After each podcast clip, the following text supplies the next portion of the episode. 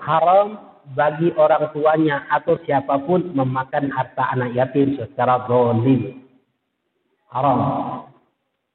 Jadi ibu-ibu ini beras yang diberikan kepada anak yatim itu hak anak yatim, bukan hak ibu-ibunya.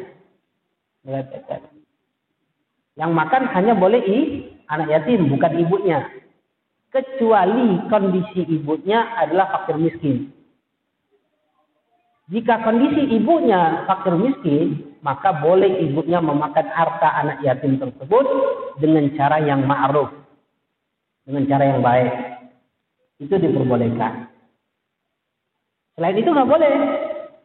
Jadi hati-hati bagi ibu dari anak-anak yatim. Dikatakan lebih baik ikhtiyaton kalau masak beras mereka masak untuk mereka. Ibu-ibunya jangan makan. Masaklah dari sendiri yang lain. Itu untuk lebih hati-hati untuk kita.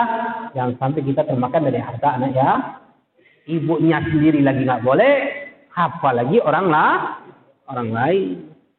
Memang ngurus anak yatim itu agak agak agak spesial, agak sulit dikatakan. Agak su, agak sulit dikatakan.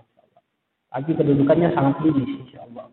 Besar pahalanya luar biasa. Bagaimana hukum orang tua yang membiarkan anaknya pacaran? Oh. Haram